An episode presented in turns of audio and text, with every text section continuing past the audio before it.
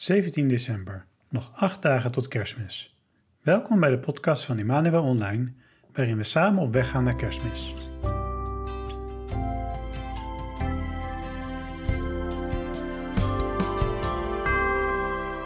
Voor veel grote feesten, zoals bijvoorbeeld een bruiloft, nemen we altijd ruim de tijd om ons voor te bereiden.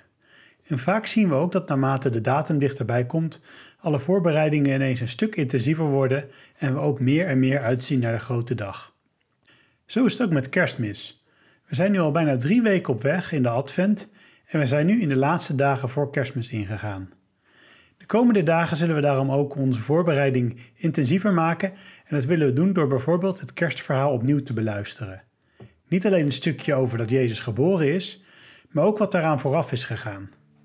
Op die manier kunnen we dieper tot ons door laten dringen wat het voor iets groots is dat God op aarde is gekomen. Op en wek de wereld, zing halleluja. Uw vreugde, God, is onze kracht, halleluja. Hemel en aarde zijn verheugd, halleluja, wanneer u komt. Maranatha, sta op en wek de wereld, zing halleluja. Uw vreugde, God,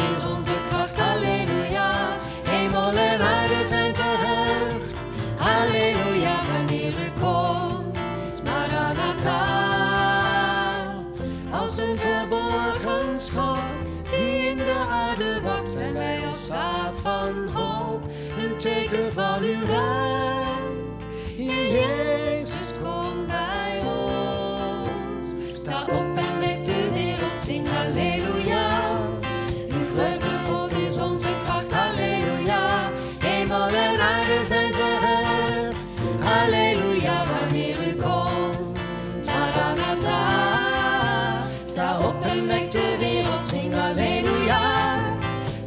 Vreugde, God, is onze kracht, halleluja. Hemel en aarde zijn halleluja, wanneer u komt. Maranatha, als een verborgen schat die in de aarde wacht, zijn wij als zaad van hoop, een teken van uw rijk.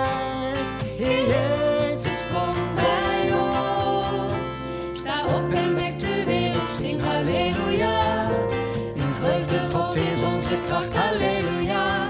Hemel en aarde zijn verheugd, halleluja, wanneer u komt. Maranatha, sta op en wek de wereld, zing halleluja. Uw vreugde, God, is onze kracht, halleluja. Hemel en aarde zijn verheugd, halleluja, wanneer u komt. Maranatha. Dank u voor deze adventstijd, voor alles wat mij wordt aangereikt om mij voor te bereiden op het grote feest van Kerstmis. Voor de adventskrans op tafel en de kerstboom die ik met de kinderen heb opgezet omdat het bijna Kerstmis is. Maar ook voor deze podcast, die me iedere dag een moment rust geeft in de dagelijkse drukte van werk, studie en gezin. Het is een moment om dankbaar te zijn voor de dingen van de dag en erbij stil te staan dat we met kerstmis niet alleen de herdenking vieren van de geboorte van de Zoon van God 2000 jaar geleden, maar ook de komst van de Heer dit jaar in onze wereld en in ons leven.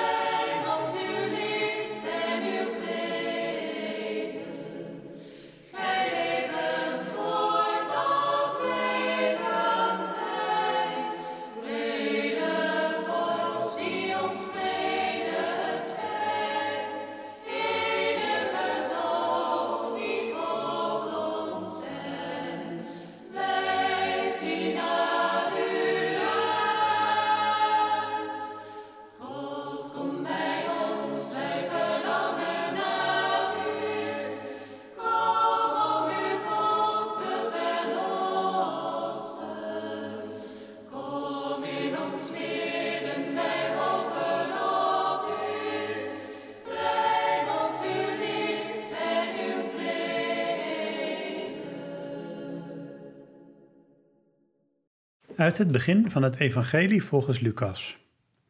Het leek mij goed om alles van aanvang af nauwkeurig na te gaan en deze gebeurtenissen in ordelijke vorm voor u, hooggeachte Theophilus, op schrift te stellen. Toen Herodes koning van Judea was, leefde er een priester die Zacharias heette. Zijn vrouw, Elisabeth, stamde af van Aaron. Beiden waren vrome en gelovige mensen die zich strikt aan alle geboden en wetten van de Heer hielden.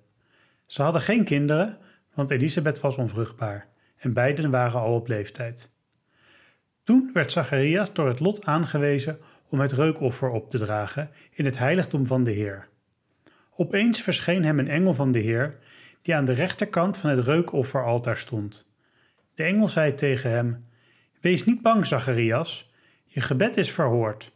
Je vrouw Elisabeth zal je een zoon baren, en je moet hem Johannes noemen. Hij zal vervuld worden van de Heilige Geest, terwijl hij nog in de schoot van zijn moeder is, en hij zal velen uit het volk van Israël tot de Heer hun God brengen. Als bode zal hij voor God uitgaan met de geest om zondaars tot rechtvaardigheid te brengen, en zo zal hij het volk gereed maken voor de Heer. De, de aankondiging en de verhalen rondom Johannes de Doper staan ook in een lijn van, zoals we die zien vanuit het Oude Testament. Op het moment dat Maria ter sprake komt, en zien we dat daar een, een nieuw iets begint. Elisabeth en Zacharias zijn de ouders van de voorloper van de Messias en ook degene die hem aankondigt en ook degene die aangeeft hoe we de weg voor hem vrij moeten maken. In die zin is Johannes de Doper een typische adventsfiguur. Elisabeth en Zacharias staat, eh, zijn op gevorderde leeftijd en rechtvaardig in Gods ogen, leefden onberispelijk. En hadden geen kinderen, want Elisabeth was onvruchtbaar. En daarmee staan we in de lijn van die onvruchtbare vrouwen. Sarah, Rachel, Hanna en uiteindelijk ook Elisabeth. Uh, waarin God toch aankondigt dat ze een kind zullen krijgen. En in alle gevallen, Sarah die Isaac krijgt, Rachel die uh, onder andere Jozef, die Jozef zal krijgen en Hanna eh, die Samuel zal ontvangen. In al die gevallen, in al die, op al die plaatsen, gaat dat kind dat die onvruchtbare vrouwen ontvangen, tegen alle verwachtingen in en tegen alle, alle mogelijkheden in uiteindelijk, gaan die kinderen een unieke plaats innemen in Gods plan. En dat is ook met Johannes de Doper. God kondigt aan dat hij dat gaat doen. Dat betekent ook dat God het initiatief neemt.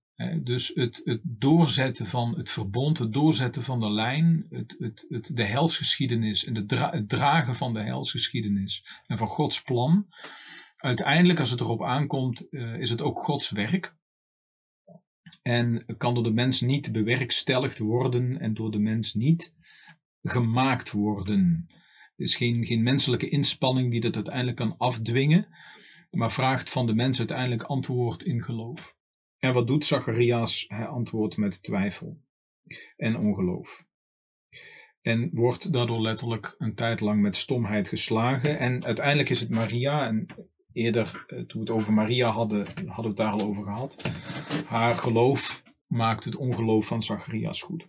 En dat vraagt van ons ook om uh, ook, ook Maria die ruimte te geven ons ongeloof goed te maken. En uiteindelijk ook om ruimte te geven aan aan dat initiatief van God. En daarop zoveel mogelijk, zoveel als we kunnen met geloof te reageren.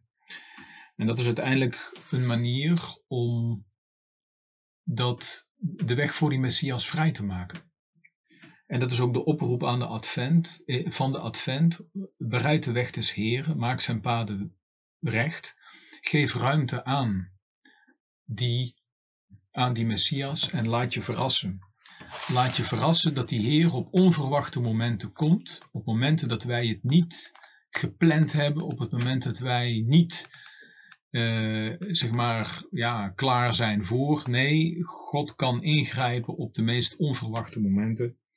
En, en laat je verrassen en, en sta open voor zijn plan. Dat is de boodschap in dit geval voor ons.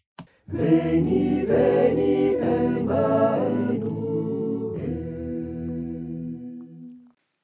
Ik ben Suzanne uit Nijmegen. Wat betekent het voor mij dat God mens is geworden? Heel spontaan dacht ik, het betekent alles voor mij. Maar toen vroeg ik me af, waarom eigenlijk? Ik ben opgegroeid in een klein dorpje in een heel katholieke omgeving. Het geloof was vanzelfsprekend, met mooie tradities, maar het bestond vooral uit heel veel regeltjes. Waar mag je zitten in de kerk? Hoe vaak ga je naar de kerk? En wie kan het snelste het rozenhoedje bidden? Als Tina werd mij dat echt te benauwd en ik was van plan om de kerk te verlaten. In die tijd werd ik uitgenodigd naar een weekend over de Bijbel.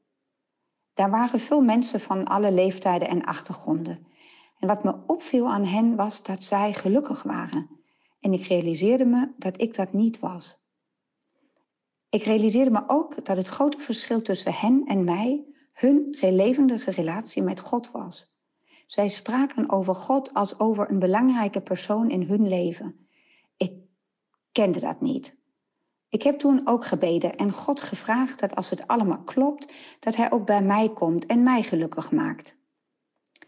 Na dit weekend ben ik dan begonnen mijn eigen focus te verleggen van de regeltjes naar de relatie met God. En ik heb toen echt God leren kennen als degene die altijd bij mij is. En ik merkte dat in mij de zekerheid groeide dat God van me houdt en dat met God gewoon alles goed komt. God heeft me laten zien dat Hij geen afstandelijke God is van de regeltjes, maar in tegendeel, dat Hij mijn nabijheid zoekt. Als de baby in de kribbe, in de Eucharistie, in de persoon van iemand om me heen. Hij heeft echt alles meegemaakt, de leuke en de minder leuke dingen in het leven. En wat ik ook op mijn hart heb, Hij begrijpt me. Ik voel me zo bevoorrecht om in deze zekerheid te mogen leven. Ik geniet gewoon van de leuke dingen in het leven maar ik hoef er het geluk niet in te vinden. Net heb ik gehoord dat er geen nachtmissen mogen zijn dit jaar. Oh, zo jammer. Ik wil daarom nog iets delen.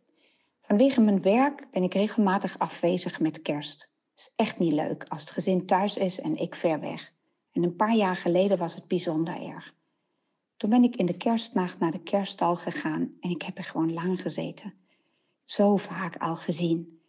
Maar toen besefte ik, Kerstmis is hier en nu. Waar ik ook ben, wat ik wel of niet voel, gewoon in alle omstandigheden. God wordt mens voor mij.